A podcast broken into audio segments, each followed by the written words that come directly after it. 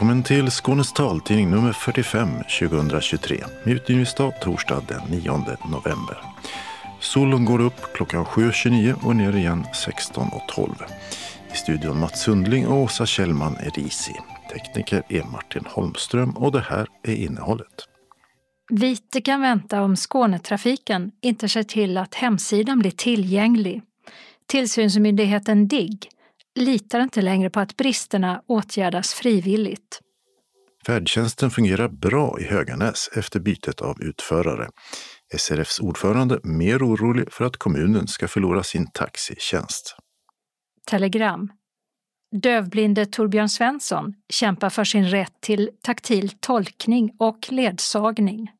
Synskadad man i Värmland sjuktransporterades inte hem och blev påkörd.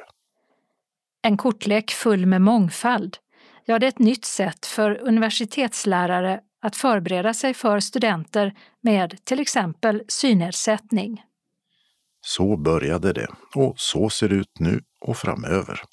Synskadades riksförbund i Skåne firade sitt 100-årsjubileum med tillbakablickar och framtidsvisioner. Nu är mörkret över oss och solen lyser med sin frånvaro. Så frågan är, syns du i mörkret? Vi går igenom vilka reflexer som finns. Öppnat och stängt med kronprins och klädbutik. Evenemangstips med syntolkat, Sven-Ingvars och sagofigurer. Kalendern med monarker, matcher och myror. Anslagstavlan med meddelande, referat och ändringar i kollektivtrafiken.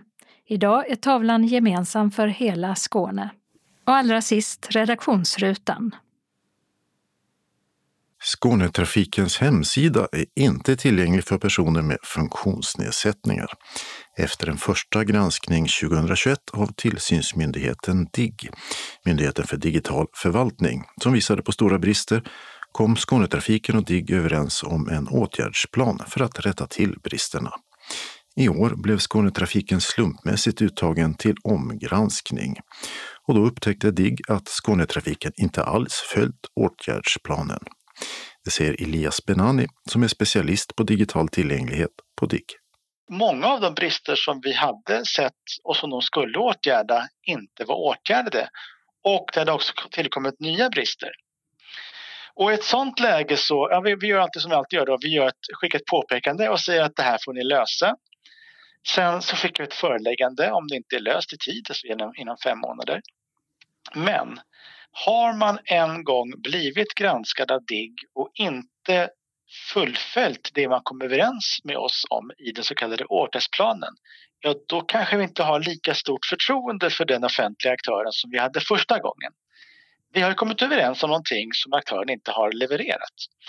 Och då säger vi att då blir det inget mer åtgärdsplanet och nästa steg är i sådana fall ett vitesföreläggande. Men där är vi inte ännu riktigt utan det är först i någon gång i början av 2024 som Skånetrafiken ska ha rättat sina brister. Så vi för ingen diskussion med Skånetrafiken i dagsläget om eventuella vitesförelägganden utan de är i steget innan, det vill säga ett, ett föreläggande utan vite som är den kraftigare tillsägelsen. Vad är det för eh, brister som de inte har åtgärdat då? Ja, det är lite smått och gott skulle jag säga. Det är, eh, de har en chatt som inte fungerar särskilt bra med skärmläsare. De har formulärelement där man inte har kopplat de så kallade etiketterna eller labels som det kallas för till ett inmatningsfält. När man tappar runt i ett formulär så vet man inte alltid vad det är man ska fylla i i ett formulär och så vidare. Det, rubriknivåerna är inte korrekta. Ja, det är, alltså var och en av de här sakerna är inte särskilt allvarlig egentligen. De är ganska lätta att åtgärda. Men det faktum att det inte har gjorts, det är det vi reagerar på. Att kvarstående brister är lätta att åtgärda håller inte Pernilla Lyberg, verksamhetschef för försäljning och marknad på Skånetrafiken, riktigt med om. Vi har eh, åtgärdat eh, de flesta av de här punkterna och har ett fåtal kvar. De punkterna som eh, ligger kvar. Eh, vi har på oss till den 31 januari 2024 att åtgärda alla samtliga punkter. Då. Det som eh, ligger, det ligger det är punkter som behöver åtgärdas som kräver en större eh, digital utveckling. Men det är också punkter som ligger hos våra underleverantörer de, de punkterna som är kvar på listan, eh, det fåtalet, har vi på oss till den 31 januari att åtgärda detta. Men de flesta är faktiskt åtgärdade redan. Kommer ni att hinna då till eh, sista januari? Det är vår yttersta ambition. Sen måste jag också förtydliga att det här med att ha en tillgänglig hemsida är ju av yttersta vikt. Och eh, vi måste alltid, för all framtid, eh, säkerställa att vi har eh, tillgänglighet. Alltså det är ett pågående arbete som vi eh, har fokus på. Och som sagt, vi välkomnar den här utredningen som DIGG har gjort. Men vad händer om ni inte blir klara? Eh, det har jag inget svar på. Eh, utan vår ambition är att, eh, att vi ska bli klara till den 31 januari 2024. Och vi kommer att ha i slutet på januari så kommer vi att ha ett, ett möte med DIGG där vi går igenom allting tillsammans med dem. Får ni mycket synpunkter från personer med funktionsnedsättningar om att ni inte är tillgängliga eller är det från DIGG ni har de synpunkterna?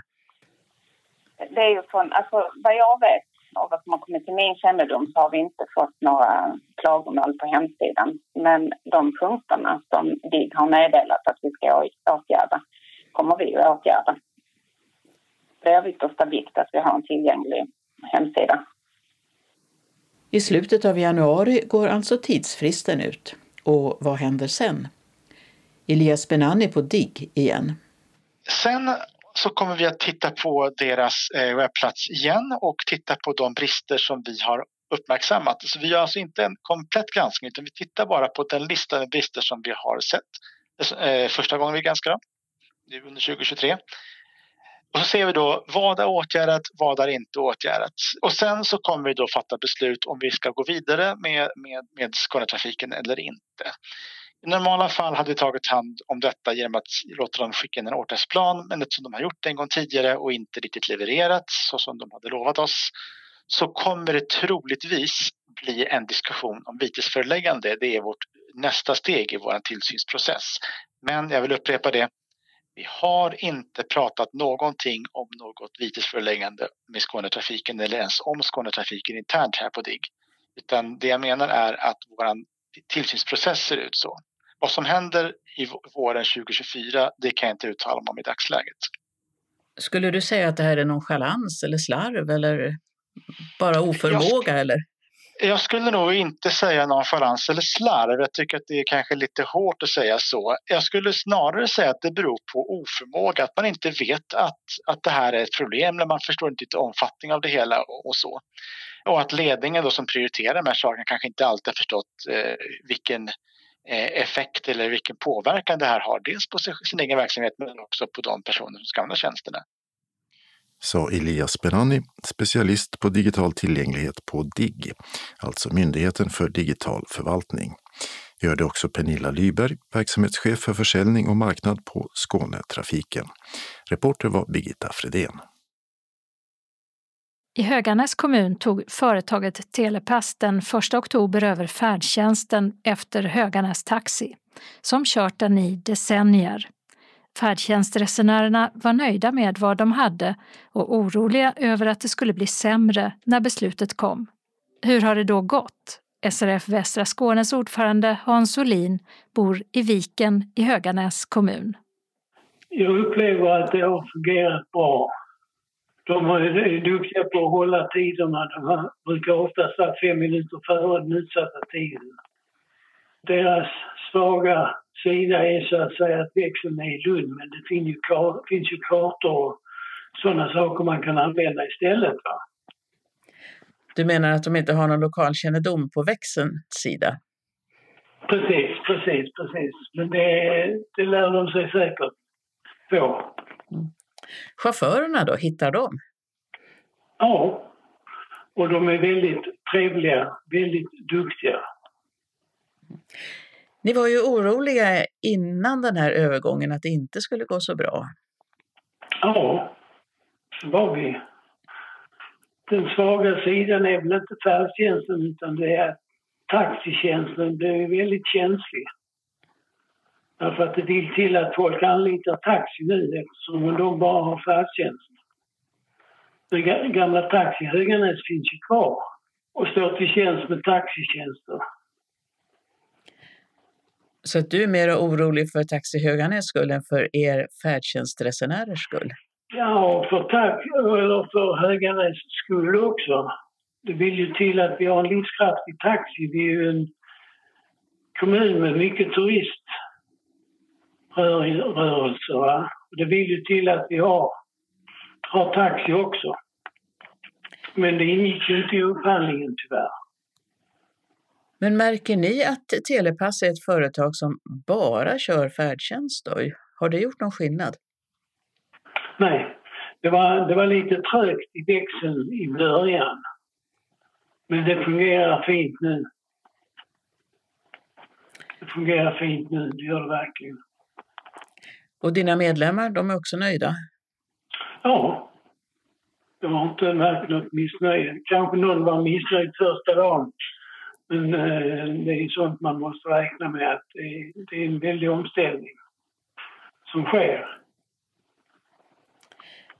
Har ni fått tänka om mycket när ni åker med ett företag som så att säga inte är stationerat i Höganäs? Att ni måste lära er adresser till sånt som var självklart för Höganäs Taxi och så? Nej, vi har inte fått lära oss att tänka om. Men eh, vi gjorde så till Taxi Höganäs också att vi angav gatuadress. Det gjorde vi. Så att eh, det är ingen skillnad i det. Det är väl bra att vi själva håller reda på det också, tycker jag. Sa Hans Olin, ordförande i SRF Västra Skåne och bosatt i Höganäs kommun. Reporter var Birgitta Fredén. Torbjörn Svensson i Höganäs, uppmärksammad för sin kamp för ledsagning och andra former av stöd till dövblinda har på senare tid mötts av motgångar. Dels handlar det om att Höganäs kommun skar ner hans tillgång till en kvalificerad kontaktperson från 56 timmar i månaden till 20 timmar per månad. Kontaktpersonens uppgift är att vara till stöd för Torbjörn i hans umgänge med sina barn, framförallt när det gäller tolkning med taktilt teckenspråk. Tillsammans med barnens mor, som han inte lever tillsammans med, överklagade Torbjörn kommunens nedskärning av kontaktpersonens timmar till förvaltningsrätten, som dock gick på Höganäs kommuns linje. Man tar överhuvudtaget inte hänsyn för fem öre till hur mina barn drabbas. Det säger Torbjörn Svensson till Helsingborgs Dagblad. Det andra myndighetsagerande som drabbat honom gäller den regionala tolkcentralen. Tidigare har de varit generösare med att låta dövblindtolkar möta upp redan innan platsen för själva tolkuppdragen och vara behjälpliga med ledsagning och taktil teckentolkning på väg dit. Men nu menar tolkcentralen att ledsagning till och från det ställe där tolkningen ska ske ska skötas av kommunala ledsagare. Att kommuner ofta inte kan ordna ledsagare som är kunniga i taktilteckenspråk, det kan inte tolkcentralen ta ansvar för, skriver de i ett meddelande till Torbjörn Svensson som denne lagt upp på sin Facebook-sida. Tolkförmedlingen håller dock i viss mån öppet för att det skulle kunna gå att nå någon form av överenskommelse mellan parterna. En 86-årig synskadad man i Karlstad blev påkörd och allvarligt skadad när han var på hemväg med en sjuktransport och blev avsläppt på en mörk gata. Mannen var på väg hem efter ett besök på sjukhuset och det var när han försökte ta sig hem själv som han blev påkörd enligt nyhetssajten Nyheter 24. Och enligt Nya Värmlands Tidning, som var först med att rapportera om olyckan, så hade chauffören för sjuktransporten fått information om mannens tillstånd och att han skulle följas ända in i sitt hem. Anders Wallén som är servicetrafikchef på Region Värmland säger till Nya Värmlands Tidning. Jag kan bekräfta att föraren hade information om vilket behov kunden hade. Det är sådant som går ut i den så kallade körorden. Kunden skulle lämnas inne eller följas in är den information vi har. Mannen fick bland annat flera frakturer vid olyckan som är rubricerad som vårdslöshet i trafik och vållande till kroppsskada, skriver tidningen. Vi ska tillbaka till Certec i Lund och den forskning som presenterades där häromveckan. Håkan Eftring, som forskar på universell utformning för lärande, talade om så kallade situationskort. De korten finns samlade i en kortlek av den större modellen, men med ett helt annat innehåll än klöver, spader, hjärter och rutor. Ja, de visar olika exempel på studentmångfald. Och det kan vara att studenter kommer plötsligt och berättar att de vill ha en muntlig istället för en skriftlig tentamen. Eller att de eh, behöver vara hemma och ta hand om barnet eller hämta barn på dagis och så vidare. Sånt som lärare kan bli överraskade över. Så tanken med situationskorten kan vara antingen att läraren drar ett kort i förväg innan kursen börjar och se är jag förberedd för den här situationen. Och de här korten de är 67 stycken. Eh, de har använts vid olika workshops. Hur förberedda är universitetslärare på sådana här situationer? De flesta lärare känner att det kan vara svårt vid grupparbeten eller muntlig presentation att någon student har svårt eller har panikångest eller autism och har eh, svårt i vissa situationer. Och då blir det väldigt svårt för läraren vet inte hur man ska göra. Så bara tanken på den här att det är så det är. Människor är olika. Vi ska kunna jobba med olika personer i grupper. Så det blir en, en liten ögonöppnare det här att prata om den här, hur kan jag skapa en större flexibilitet i min kurs? Och bland de här korten så finns det också kort för just om det är någon som har en synnedsättning. Eh, att kunna lyssna på studiematerial. Det gäller ju både studenter som har en synnedsättning eller som eh, är blinda eller eh, dyslexi eller bara föredrar att lyssna när man åker buss till exempel.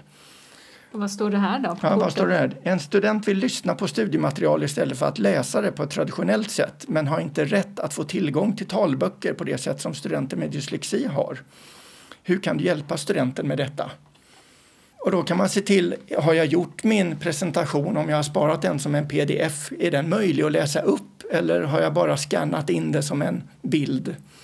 Så att man får prova hur kan jag få ljud i det här och vet inte läraren om det så får läraren då kontakta någon studierektor eller kollega eller chef som frågar eller någon annan på universitetet som kan hjälpa till med det här.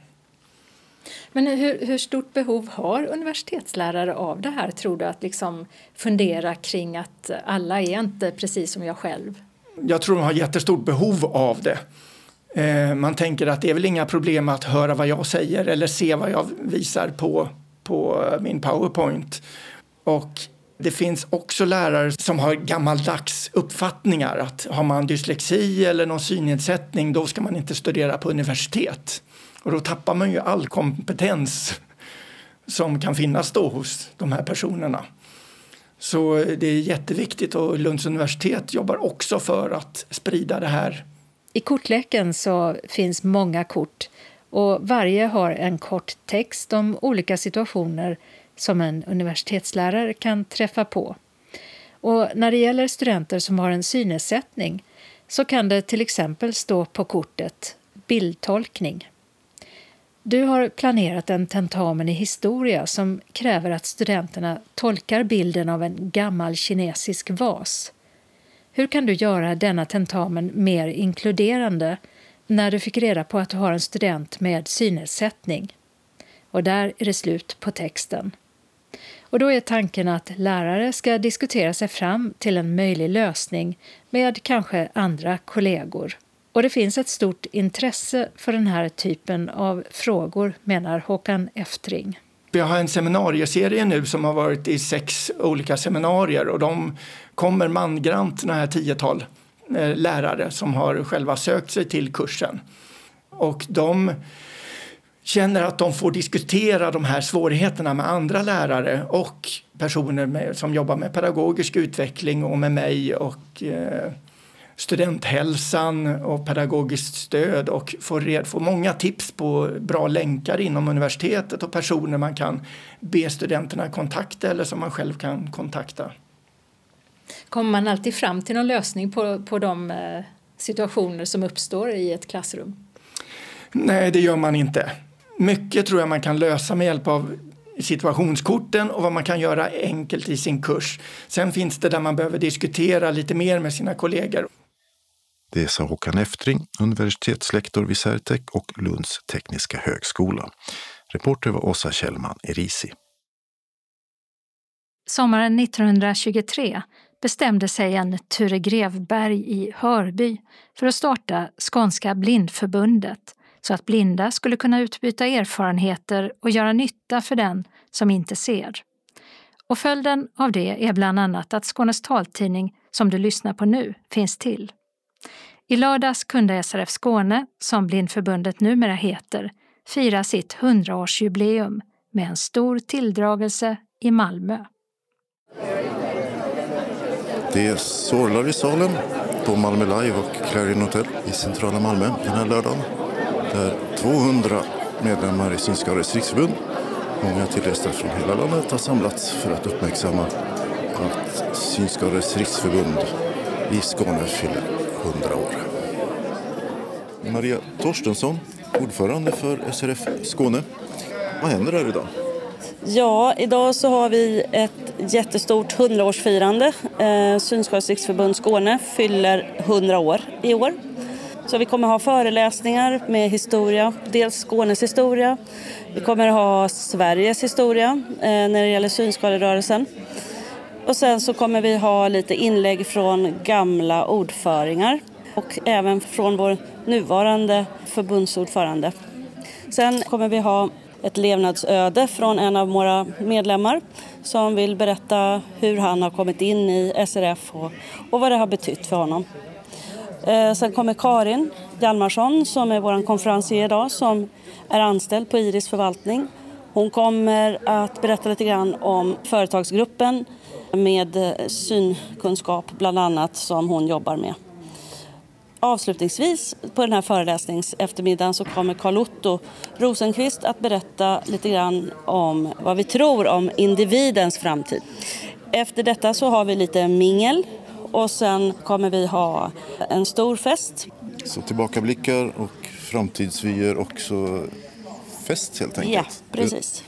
Det, det är någonting stort att fira jättestort att fira och vi har haft bussar som har kommit eh, in ifrån Ängelholms, en buss från Ängelholm som har gått från det hållet, en från Helsingborg, en från Kristianstad. Välkomna! Och eftersom SRF fyller 100 år så fick vi höra en historieberättelse av Stig Larsson som står här lutad på sin vita käpp. Hur började det egentligen? En man som hette Ture Grefberg från Hörby som var aktiv i De blindas förening som grundades redan 1889. Han blev medlem som 21-åring i den här föreningen. Och sen tror jag också att han har haft kontakt med andra i Skåne som har gått eh, blindskolorna på den tiden, på Blindinstitut som det hette. Va? Tomteboda hade redan då startats. Eh, Kristinehamns hantverksskola till exempel. Den första styrelsen som man valde den 29 juli när man hade sitt första möte och där man också hade antagit stadgarna. Det var för övrigt också människor då runt omkring i Skåne. Man från Dölsjöbro och någon kvinna från Östra Kärrstorp som jag tror var sekreterare. Så att det var ju kvinnor med redan från början. Det var också en hel del kvinnor med i förtroendeuppdrag. Många hade upplevt att man behövde här i Skåne vara en, en så kallad materialdepå, alltså ett borstbindare och korgmakare behövde på lätt tillgång till eh, råmaterial. Och så småningom var det också då kvinnorna som fick tillgång till eh, olika garn och textilier och sånt för att göra handarbeten. Depån startades då i Helsingborg 1926 en av de första konkreta åtgärderna. Jag tror att den här lokala föreningen i Skåne har rätt mycket kontakt med kyrkan och varje möte man hade det startades med att man sjöng en psalm. Det innebar oftast att man också hade mötena i, i församlingshem eller andra liknande lokaler som någon kyrkoherde hade ordnat. Så försökte man naturligtvis också ordna arrangemang för de blinda. Och man tryckte ju hårt på att man skulle bryta isoleringen och att man skulle eh, ge varandra moraliskt stöd och eh, mycket annat. Så liksom hela förbundet började med de blindas förening i Stockholm en gång då med självförsörjning på högst på agendan då kanske. Ja. Andra bitar, hur kom de in? Ja, till exempel två år efter det att eh, Skåneförbundet hade bildats så kom ju ljudradion. Sveriges Radio började sända och då var det väldigt naturligt för alla blinda att försöka skaffa sig en radio.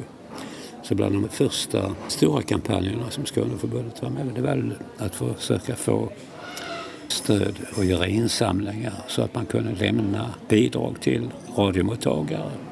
Så att alla skulle få råd att lyssna på, på radio? På, på Sveriges Radio, eller Radiotjänst som det väl då hette. Mottagaren var ju ganska dyr och var det någonting som karaktäriserade blinda på den tiden var det fattigdom helt enkelt. Ja, att tillgängliggöra information. Eh, talböcker? Talböckerna ja. Den det... första i Malmö? Ja precis, det var rätt förvånande men i Malmö hade de försökt kolla upp tekniken kring det hela om att göra inspelningar på grammofon och den första som eh, läste in en bok i Sverige det var författarinnan Dagmar Edqvist som hade skrivit en roman om en ung man som förlorade sin syn. Så jag tror att boken heter Musik i mörker och det var 1951, eller 50 möjligen. Och det var den första talboken i Sverige. Men året efter så kom Det blindes förening med en ljudupptagning per band som en av de mest kända manliga skådespelarna faktiskt på 40 och 50-talet läste in. Mm. Skånes taltidning är också De blindas föreningsverk, det vill säga taltidningarna. Man vill ha dagstidningarna, nyheterna där tillgängliggjorda. Ja, precis. Alltså man var väldigt aktiv med att försöka se till att bryta isoleringen för blinda och, och, och tillgång till både nationella, internationella och inte minst lokala nyheter. Därför hade man olika kampanjer i DBF och genom länsförbunden, i det här fallet då Skånes blindförening, försökte driva på för att få en skånsk taltidning. Och det såg ju dagens ljus 1966. Och då kom den var 14 dag och det dröjde inte så länge förrän den kom en gång i veckan. Och då satt man och klippte i alla lokaltidningarna vet jag. Ja, det och tror jag läste in på band. Så att... man hade, tror man hade en redaktionskommitté också där blinda var med som utsågs av eh, Skånes blindförening. Mm. Eller i samråd med taltidningsredaktion. Mm. Ja, och resultatet av det, ja det kan vi lyssna på idag. Idag klipper vi inte några tidningar utan gör inslag som det här istället med egen journalistik. Ja, det är fantastiskt. Det har vi hört vad SRF och SRF Skåne har haft för sig under hundra år. Eh, Carl-Otto Rosenqvist från SRF Skånes styrelse och Maria Torstensson, ordförande. Mm. Eh, 100 år av historia. Vad väntar framåt egentligen? Vad finns det för visioner?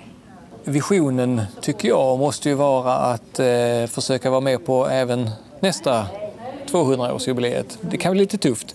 Men eh, vi ska ju se till att föreningen finns kvar. Att eh, vi ser till att fånga in så många som möjligt och att vi ser till att hitta eh, motivationen till att bli medlem. Varför, varför ska jag bli medlem? Vad erbjuder vi? Och där är ju till exempel, har vi sett, det här med att säkerställa det digitala innanförskapet. Alltså för att kunna hantera eh, en telefon, för att kunna kommunicera hade ett möte med Region Skåne, en politiker bland annat, i veckan här och då pratade vi om det här med eh, den digitala utbildningen och så. Det var mycket plusverksamhet och då blev jag lite irriterad. Och så sa jag, men om man nu ska prata eh, om att ni kanske vill att man ska använda 1177 då är det kanske bra om man faktiskt kan göra det och då får man ju utbildning. Ja, just det, ja det vill vi, ja just det. Och det är ju de här tankeställarna som, som vi är här från distriktet ska trycka på. För det är ju vår allas framtid. Mm. Nej, det är inte alla som kan hantera en smartphone och SRF Skåne har en utbildning sedan något år tillbaka som regionen betalar för. Och du kallade Carl-Otto dagens vita käpp är en smartphone. Ja. Så, så betydelsefullt då alltså? Ja, det är det absolut. För att du kan ju inte ringa någon idag. Att ringa till en affär, ja det är möjligt men du har ju ingen telefonkatalog. Och det är ju inte så att, eh, att du kan ringa till en kundtjänst utan oftast så får du försöka skicka e-post och annat. Så att eh, är du eh, utanför det digitala, utanför möjligheten att hantera din telefon eller dator så är det väldigt lite man kan göra. Mm. Fler frågor. En del verkar ju vara lite tidlösa. Det handlar om försörjning, mm. självrespekt, ledsagning, mm. ledarhundar, mm. utbildning, eh, tillgänglighet. Mm. Det är ju samma frågor hela tiden. Så är det tyvärr. Det finns ju få frågor som är färdiga, som är lösta och klara. En del saker blir ju bättre eh, under vissa år och sen så faller det snabbt tillbaka genom att man kanske får sparbeting eller vad det är för någonting i kommun och region. Men jag tänker som en vision som, är, som jag tror är jätteviktig och som vi egentligen vet och det är att vi måste i hela landet visa på att vi inte har den hjälpen som folk i gemen tror. Att man tror, tar för givet att vi har ledsagning. Att färdtjänst är ju självklart, ni kan ju inte köra bil, det är klart du måste få färdtjänst. Och, och jag menar, de här sakerna måste vi upplysa om. Vi måste visa att så är det inte, det fungerar inte på det här sättet. Eh, och jag tror att det är folks okunskap som gör att det här fortsätter på det här sättet. För att det är ju, vi är en relativt liten grupp egentligen som är så pass synskadade så vi behöver den här hjälpen. Så att, Eh, ja, jag tror att, att visa oss är en stor del i att komma framåt. Min vision är också att vi syns mycket mer. Att vi vågar vara ute i samhället. Men då är det ju det här eh, rädslan när man kanske inte har ledsagare. Men då ska man ju ta hjälp av en kompis.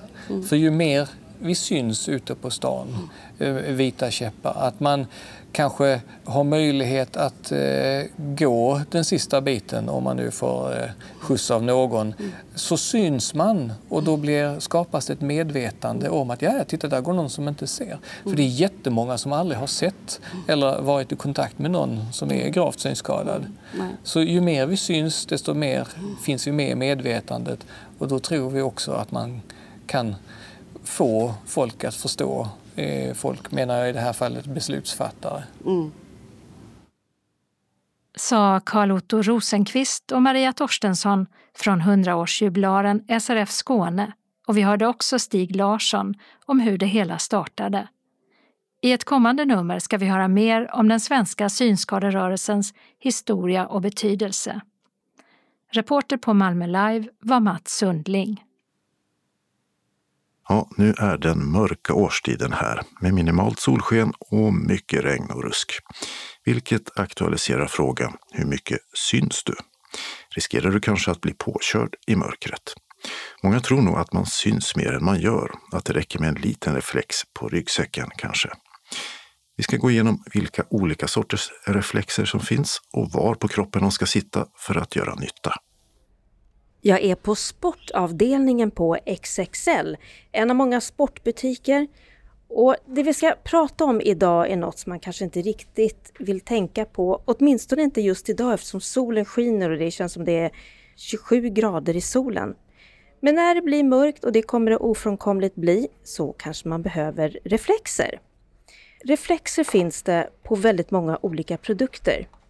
Och kanske är det mest på sportartiklar och förstås barnartiklar och hund. Vi ska gå igenom lite vad som finns på marknaden vad det gäller reflexer och det är så otroligt mycket. En del saker kanske inte gör att man syns särskilt mycket mer. Ja, det kan ju låta konstigt, men det är för att reflexen kanske sitter på fel plats eller att den är för liten. Om vi börjar från början. Ofta hör man att reflexen uppfanns av svensken Alvar Thorsson i mitten på 50-talet. Men en variant på reflex hade redan en amerikansk polisman kommit på, på 1930-talet. Men reflexen för fotgängare, det är en finländsk uppfinning. Ursprungligen var den avsedd för hästvagnar. Den uppfanns på 1950-talet och det var av jordbrukaren Arvi Lehti. Nu är alla nämnda. Det är i Skandinavien som vi använder reflexer i stor utsträckning. I många andra delar av världen gör man det inte. Men så lever vi ju i lite mer mörker kan man ju lugnt säga. På 70-talet så startade Nationella trafiksäkerhetsförbundet, NTF, sin kampanj Mamma, pappa, barn i trafiken. Och där visade man sambandet mellan synlighet, reflexer och säkerhet i trafiken. 40 procent av alla trafikolyckor där gående är inblandade inträffar när det är mörkt och de flesta sker faktiskt i tättbebyggda områden med gatubelysning. Så obevakade övergångsställen med gatlyktor är ingen garanti för att bilisten ska se dig, även om man själv kan uppleva att man syns bättre. Om man har mörka kläder på sig, vilket väldigt många av oss har, särskilt nu när det blir lite kallare, så kan en bil upptäcka en med halvljus på 20 30 meters avstånd. Om man har ljusa kläder så syns man från 60 meter. Och om man har en reflex så kan föraren upptäcka en redan på 125 meters avstånd. Och så får man ju tänka på att det är ännu sämre sikt på vintern och dessutom halt, så bromssträckan blir ju längre. Men hur bär man bäst sin reflex? Snart svar på det. Ursäkta, skulle jag kunna fråga dig bara om reflexer? Om du brukar använda reflexer? Eh, ja, det brukar jag använda. När då och var brukar du ha dem? Eh, jag brukar ha dem på benet faktiskt. En sån som man eh, spänner runt benet eller den spänner sig självt egentligen. Och, och var på benet för att vara exakt? Ja, just nu har jag ju shorts på mig så eh, där har jag den eh, faktiskt inte. Men det är väl längre ner på vaden då skulle jag säga. Vet du om att det är den bästa platsen att ha reflexer på? Det visste jag inte, men vi hade ju det när jag gjorde värnplikt och då hade man ju det till uniformen. Så det är sånt som har levt kvar. Jag är ju på mina barn väldigt mycket att de ska använda reflexer så man måste ju vara en föregångsman. Okej, tack. Vad heter du? Ingebrigt Sjövik. Reflexer är ju material som reflekterar ljus tillbaka mot ljuskällan. Det kan till exempel vara hårda produkter med prismor eller fluorescerande material som är mjuka. Men vilka är bäst då? Ja, de där gammaldags hårda som oftast bara finns som runda eller snöflinga eller klämmor, de syns mycket bra. Man kan också kolla om reflexen är godkänd med SIS eller CE-märkning. Men viktigare är var man har sin reflex. Det är bra att använda flera stycken så man syns från olika håll, helst på ställen som är i rörelse, som på armarna och på underbenen. Just rörelsen är viktig. Det är det som gör att bilisten ser att det är en människa eller en hund. Och så ska man tänka på att ha reflexen långt ner på kroppen, för då syns de bättre i bilarnas halvljus. Mjukisreflexer de finns i alla olika former och figurer. De är okej, okay, men se till att ha mer än en. Och sådana där som man kan klistra på barnvagnar, de är faktiskt inte så bra. I så fall får man ha många, eller välj hellre något annat. Och käppar. Ja, alla teknikkäppar har en beläggning som är reflekterande. Men det räcker inte. Man kan visserligen klistra på reflextejp. Men man bör ha reflex på sig om man vill synas. Men alla reflexer som redan är påsydda på olika klädesplagg, vi kommer till det. Du har ju ett bälte runt magen här nu med massa små vattenflaskor. Är du en eh, superlöpare? Nej, det är jag inte. Men jag tränar på att springa lite längre och då behöver jag med mig vatten. Så vad är det för reflexer du brukar använda? Jag brukar använda dels sådana som jag har en mössa med reflexer på. Jag har eh, vantar, reflexvantar som jag brukar ha på vintern och sen sådana där vanliga som hänger på lampan på kläderna. Är du mån om att andra i din närhet har reflexer? Är du sån där som brukar tjata om, har du satt på dig reflexen? Ja, jag köper även reflexpresenter till mina barn och min man. Hur upp, uppskattat är det då? Ja, ganska uppskattat faktiskt. Förra året köpte jag reflexvantar till alla och då är alla vuxna, ska tilläggas. Vet du hur länge man kan ha en reflex? Jag tror ett år, men eh, jag brukar köra, alltså de här vanliga tror jag inte håller så mycket mer.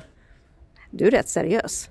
Jag retar ihjäl mig på att så många andra inte använder reflexer så att eh, jag, jag, brukar faktiskt göra det. Vad heter du? Jag heter Åsa. Många träningsplagg har reflexer och regnkläder, särskilt för barn. Det man kan tänka på om någon säger ja den här har reflex, det är att det ofta kanske bara är en liten rand eller att det är själva märket som är i reflekterande material. Som ett exempel så har friluftsmärket Helly Hansen barnvantar där de bara har deras två hån på ovansidan som är reflekterande. Det kan även gälla en träningsjacka där det aktuella märket sitter på bröstet. Reflexvästar, ja de är bra. Eller reflexsele som man kan dra över jackan. Men komplettera ändå med kanske en reflexremsa eller sån här strap nere vid benen eller på armen. Ja, det där med rörelsen igen. Men om man inte vill ha något som ser så reflexaktigt ut, då finns det också mycket att välja på. Reflexsnören som man kan fästa i sin dragkedja, reflexskosnören eller LED-belysning till skorna som passar både sneakers och kängor. Det är som en tunn liten hästsko som man klämmer runt hälen på skon. Och då har de batterier i sig. Man kan både stryka och sy på reflexer. Här får man ta de som är lite bättre kvalitet. Det finns reflexbälten, stickade mössor och vantar som är gjorda i reflekterande garn. Det finns också webbshoppar som är specialiserade på reflexer och reflexaccessoarer. Det ska vara lite designade grejer.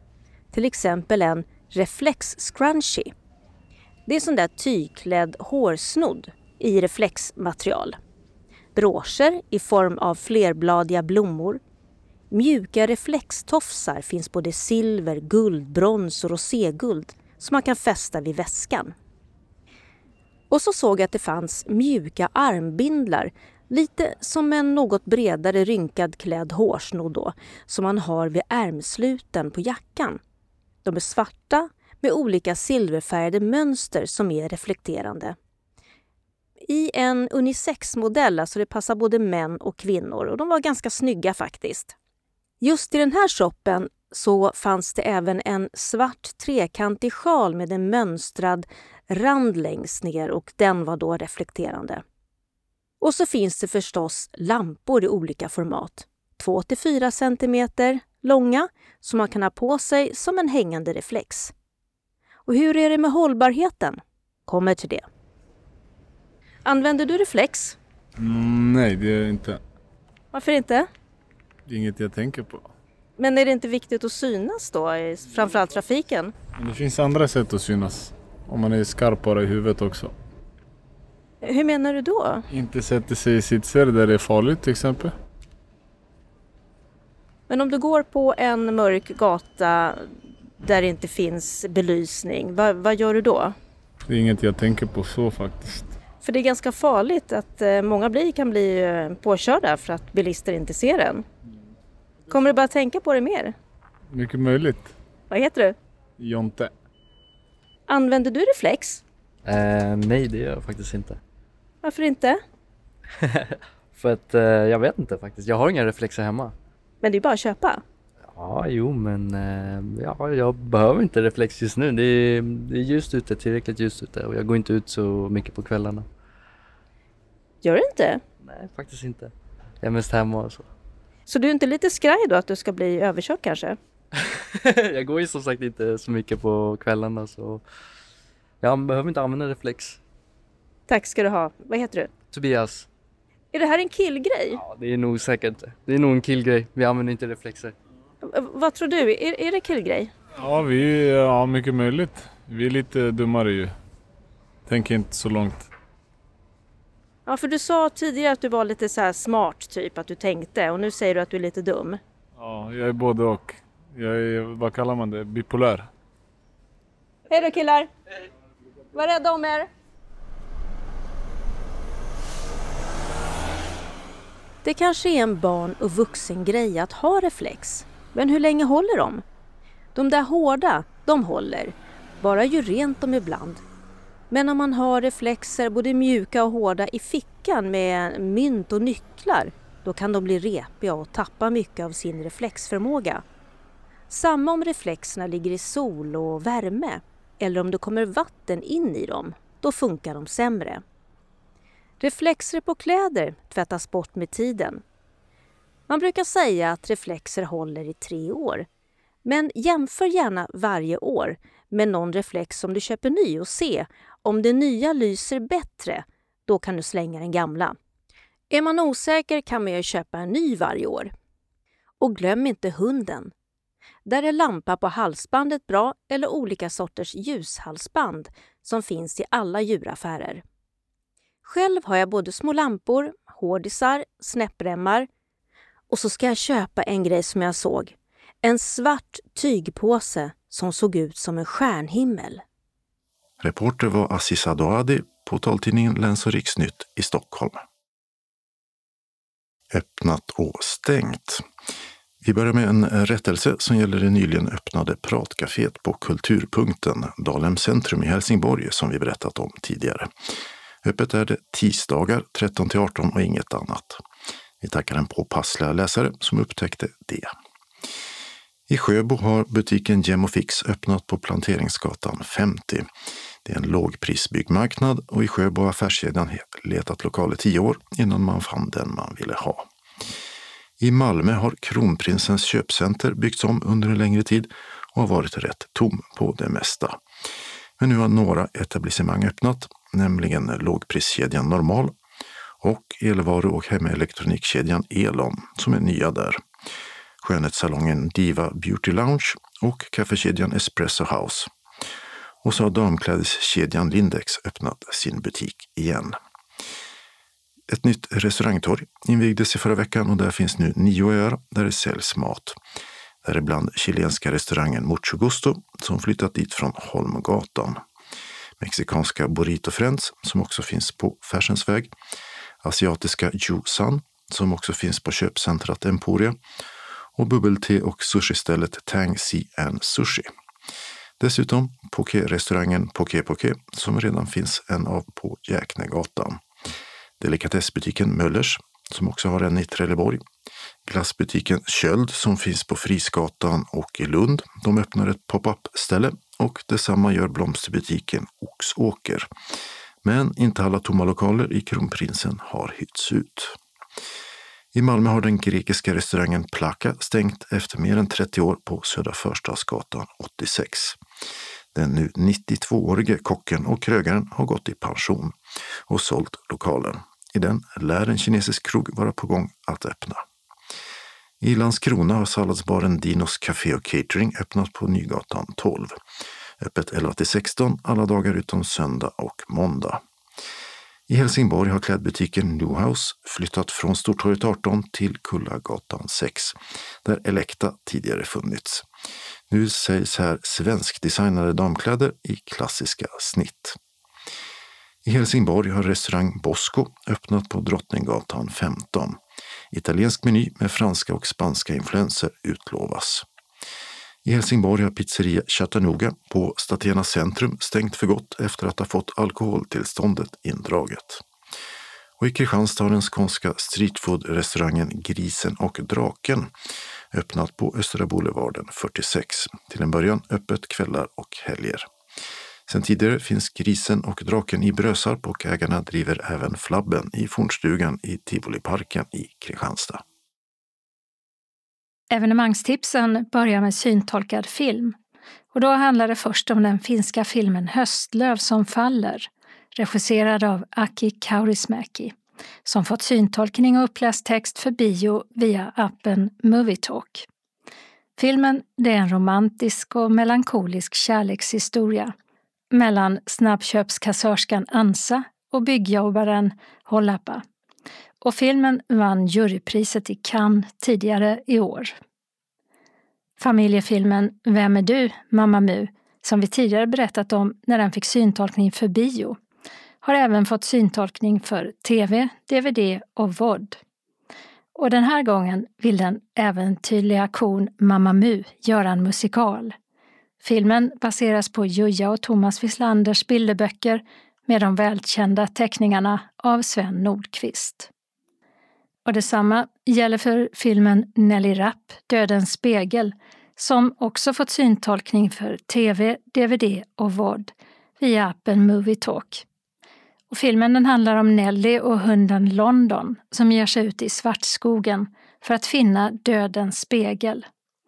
En resa som tar dem allt djupare in i skogen och till den plats där Nellys mamma en gång försvann. Regi Johan Forsell och filmen är en uppföljare till Nelly Rapp Monsteragent.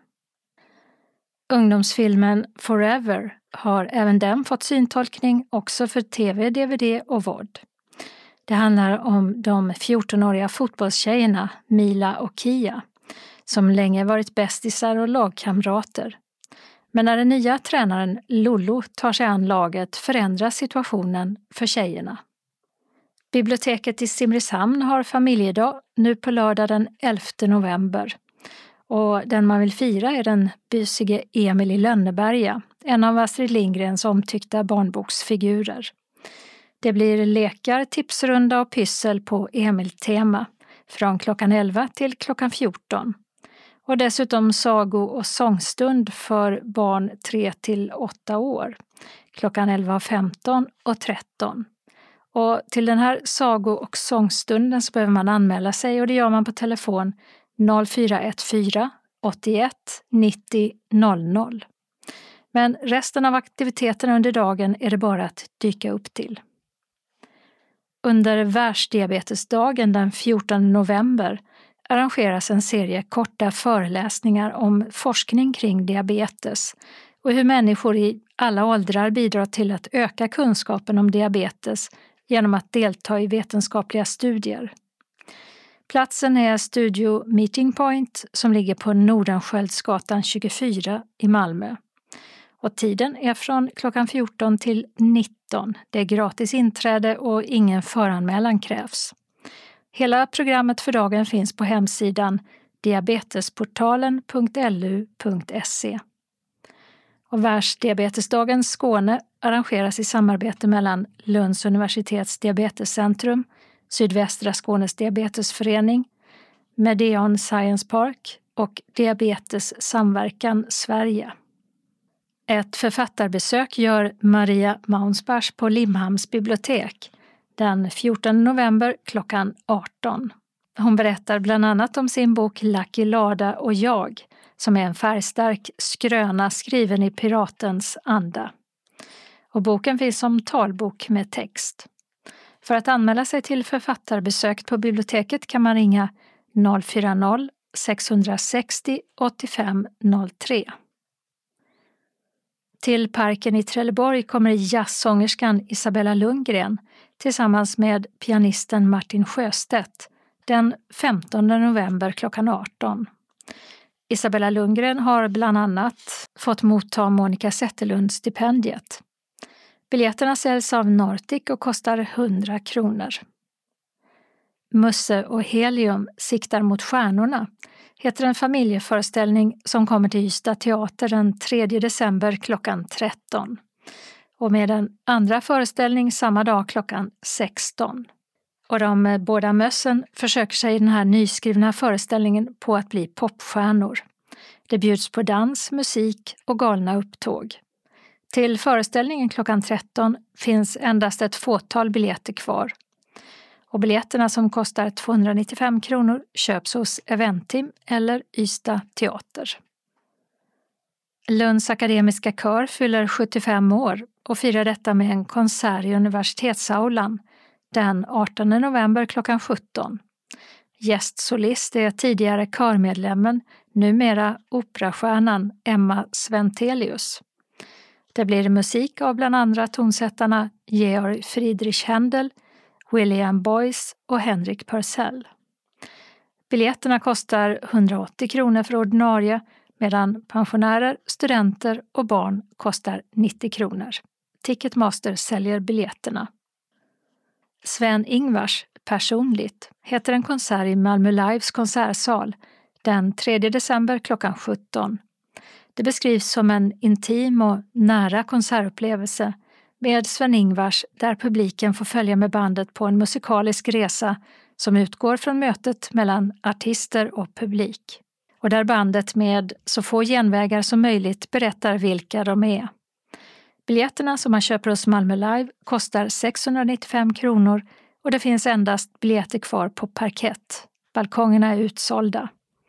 Konserten håller på i en timme och 30 minuter och det är ingen paus. Christmas Night är en julkonsert där det utlovas att alla julklassiker är med. Artisterna som uppträder är Linnea Henriksson och Arvingarna. Och vill man se den här turnerande konserten så kommer de till Slakthuset i Malmö den 14 december klockan 19. Där kostar biljetterna 695 kronor och säljs av Eventim. Dagen efter ges konserten på Helsingborgs konserthus, alltså den 15 december och samma tid klockan 19. Och det är Helsingborgs konserthus som säljer biljetterna. 2024 års Arlövsrevy börjar redan att sälja slut platserna till många föreställningar trots att premiären är först den 5 januari nästa år. Spelperioden för revygänget bestående av Kent Nilsson, Jenny Rosengren, Henrik Widegren, Niklas Holtne och Viktor Berg sträcker sig fram till den 11 februari. Och då ska man ha hunnit med dryga 30 föreställningar som spelas torsdagar till söndagar.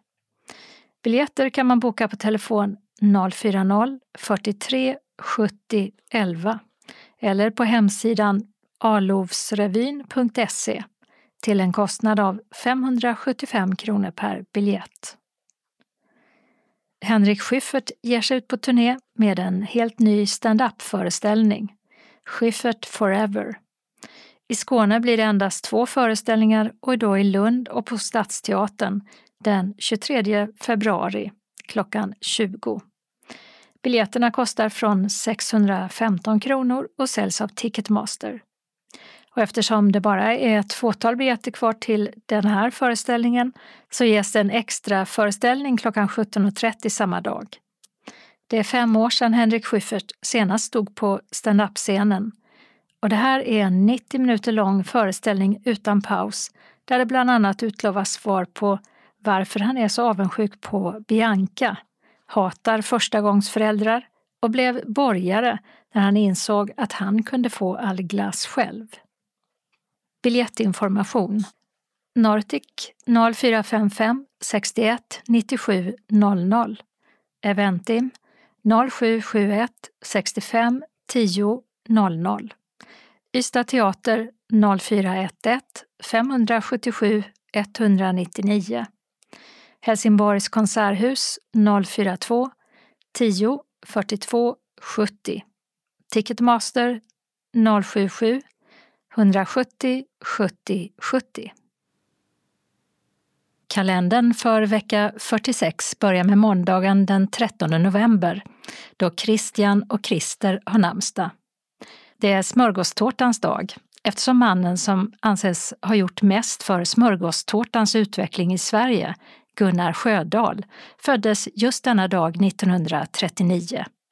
Och under sin yrkesverksamma tid sägs det att han bakade 400 000 smörgåstårtor med början 1965, vilket skulle innebära cirka 40 smörgåstårtor per arbetsdag. Tisdagen den 14 november är det Emil och Emilia som är namnsdagsbarn. I Lund hålls EU-dagar den 14 och 15 november i Stadshallen. Då träffas representanter för offentliga sektorn, industrin, universitetet och EUs institutioner med flera. Och även allmänheten kan delta om man anmäler sig. Frågor som tas upp är bland annat klimatneutral kontinent 2050, ett motståndskraftigt Europa och Sverige i EU. Och som du kunde höra om i evenemangstipsen så är det Världsdiabetesdagen, en FN-dag som sätter fokus på alla de miljoner människor som lever med eller riskerar att insjukna i diabetes. Kungen av Storbritannien, Charles III, fyller 75 år. Han föddes på Buckingham Palace i London, äldst av fyra syskon och blev kung för drygt ett år sedan när drottning Elizabeth avled efter dryga 70 år som regent. och det är sex månader sedan han kröntes till kung i Westminster Abbey. Det är också ostkakans dag, vilket sägs bero på att det är Emil som har namnsdag och då är det Emil i Lönneberga som åsyftas. Onsdagen den 15 november firar Leopold namnsdag. I riksdagen är det EU-politisk partiledardebatt som börjar klockan nio på morgonen med att statsminister Ulf Kristersson redogör för regeringens prioriteringar i EU-arbetet. Och därefter får de andra partierna göra sina anföranden. Debatten direktsänds via riksdagens webb-tv. Torsdagen den 16 november har Vibeke och Viveka namnsdag. Sveriges herrfotbollslandslag spelar EM-kval mot Azerbajdzjan. Det är den första matchen efter terrordådet i Bryssel då två svenska fotbollsfans dödades och ytterligare en skadades i skjutning i samband med att Sverige mötte Belgiens landslag. Matchen avbröts i halvtid när konsekvenserna av terrordådet blev uppenbara. Och fotbollsmatchen mot Azerbajdzjan är betydelselös för de båda lagen som inte går vidare oavsett resultat. Lagen som går vidare från Sveriges grupp till EM-slutspel det är Belgien och Österrike. I riksdagen är det en direktsänd frågestund där statsminister Ulf Kristersson, Moderaterna, svarar på frågor från ledamöterna. Och vill man följa den börjar direktsändningen på riksdagens webb-tv klockan 14. Fredagen den 17 november är det Naimi och Naima som har namnsdag. I Linköping håller Liberalerna landsmöte från fredag till söndag. Landsmötet hålls vartannat år och då ska det bland annat beslutas om en ny partistyrelse. Och ett av de nya namnen i valberedningens förslag är klimat och miljöminister Romina Pourmokhtari. Förslaget till partiordförande är inte oväntat sittande Johan Persson. Lördagen den 18 november har Lillemor och Moa namnsdag.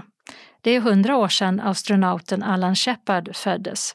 Han var flygare och astronaut och med i den första gruppen om sju som var först i rymden i Amerika 1961. Söndagen den 19 november firar Elisabeth och Lisbeth namnsdag. Det är världstoalettdagen som uppmärksammas för att man ska ägna en tanke åt alla de personer som lever utan toaletter, säker sanitet och värdig hygien. Det är också världsdagen mot barnmisshandel, där fokus ligger på utsatta barn världen över för att öka medvetenheten om övergrepp mot barn och hur man kan förebygga att de sker. Herrlandslaget spelar EM-kval mot Estland på hemmaplan i Solna, men alltså numera betydelselöst när det gäller vilka som går vidare till slutspel.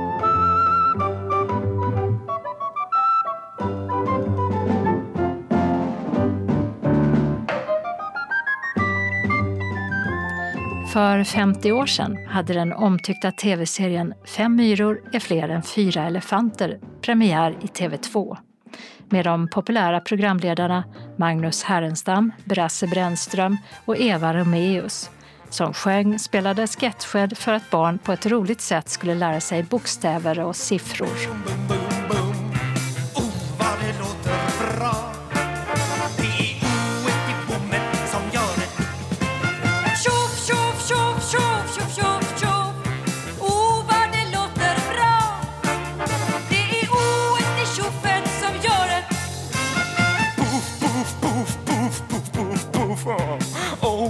Det låter bra.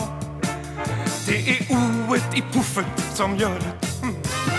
Boom, boom, puff, boom, puff. Oh, vad det låter bra. Det är ona i orden som gör det. Boom, boom, puff, boom, puff. Oh, vad det låter Den regionala delen av anslagstavlan har en inbjudan. Hej! Synskadades riksförbund Västra Skåne på Vaktgatan 3 i Helsingborg hälsar alla välkomna till julmarknad. Lördag och söndag den 25 och 26 november mellan klockan 10 och 15. Totalt är vi tio medlemmar och inbjudna hantverkare som säljer våra hantverk i föreningens trevliga lokaler. Har du frågor, kontakta gärna någon av oss. Antingen Gunnel, telefon 0733 595 083 eller Stina 0702 397 626 eller Ulla 0730 701 131. Varmt välkomna! Så ett referat från SRF Skånes 100-årsjubileum.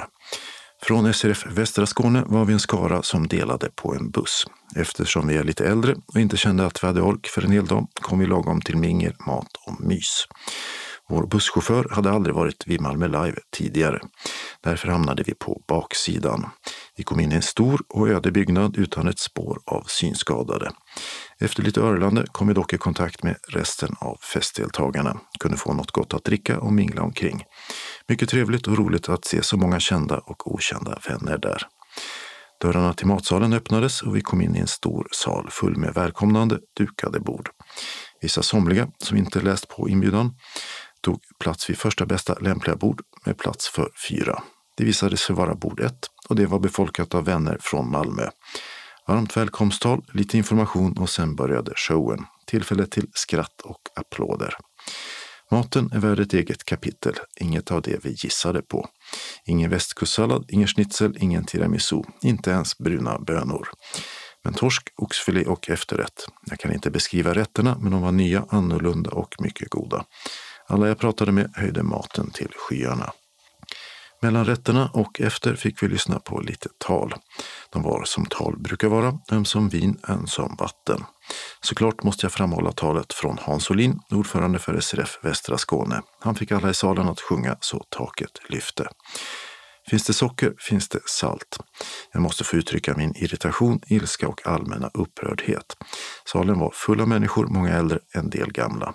Trots det fanns det många som inte var tysta under talen eller när det kom annan information från scenen. Det är oförskämt mot den som talar och irriterande för bordsgrannar som vill lyssna. Vi som åkte buss från Helsingborg kände att vi var nöjda med festen när kaffet serverats. Då tackade vi för oss och åkte hem. Alla var rörande överens om att det varit en fantastisk fest. God stämning, god mat och härliga möten och samtal med vänner. Vid tangenterna Christer H Persson. Vi avslutar den regionala delen av anslagstavlan med några regionala ändringar i busstrafiken. I Arlöv gjuter man om på Lundavägen och det har stängt sju av regionbuss 130 hållplatslägen till och med den 17 november klockan 16. Hållplatserna Arlövs kyrka och Ringvägen, bägge läge A, ersätts av en tillfällig stolpe vid korsningen med Hantverkaregatan. Läge B ersätts av en vid korsningen med just Ringvägen. Hållplatsen Sockervägen A ersätts av en tillfällig 200 meter bakåt bussens riktning och från läge B ligger den 200 meter framåt. Och hållplatsen Alnarpsvägen läge A ersätts av en stolpe 270 meter framåt på Lundavägen. I Malmö började förra veckan ett arbete på Toftanäsvägen och regionbuss 170 hållplats Gylins trädgård läge D är stängd. Närmsta ersättare är hållplatsen Åkvagnsgatan läge B som ligger på Dammtorpsvägen cirka 420 meter åt nordväst. 17 november klockan 15 ska den vanliga vara öppen igen.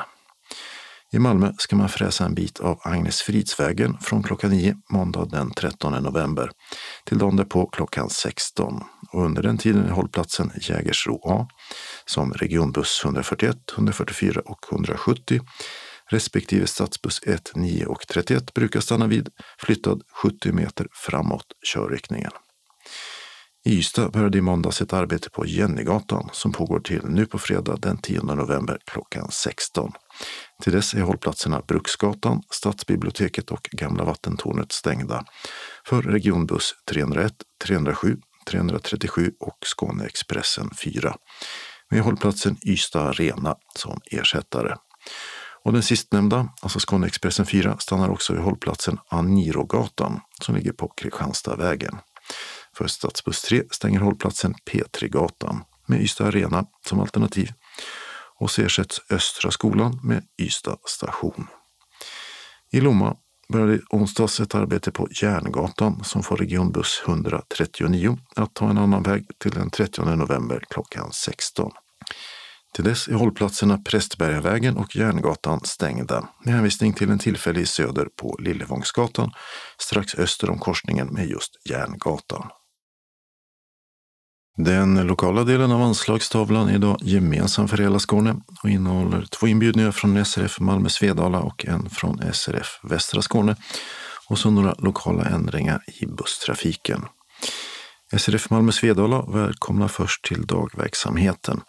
Måndag den 13 november klockan 13 till 15 träffas vi och umgås med lite fika och diskuterar aktuella nyheter samt läser lite ur tidskrifter. Ibland hinner vi även med frågesport. Tisdag den 14 november klockan 13 till 15.15 15 blir det bingo och fika. Vi serverar kaffe och smörgås eller kaka till en kostnad av 10 kronor. Om man anmäler sig till kansliet om man tänker komma på någon av dagaktiviteterna senast klockan 10 samma dag. SRF Malmö Svedala inbjuder också till en musikalisk fredagsträff. Välkomna till en trevlig stund hos oss när vi har glädjen att ta emot trubaduren och underhållaren Pontus Stenqvist. Fredag den 24 november klockan 13 i föreningens lokal på Wendelsfridsgatan 13 i Malmö. Föreningen bjuder på enklare förtäring och en liten godbit till kaffet.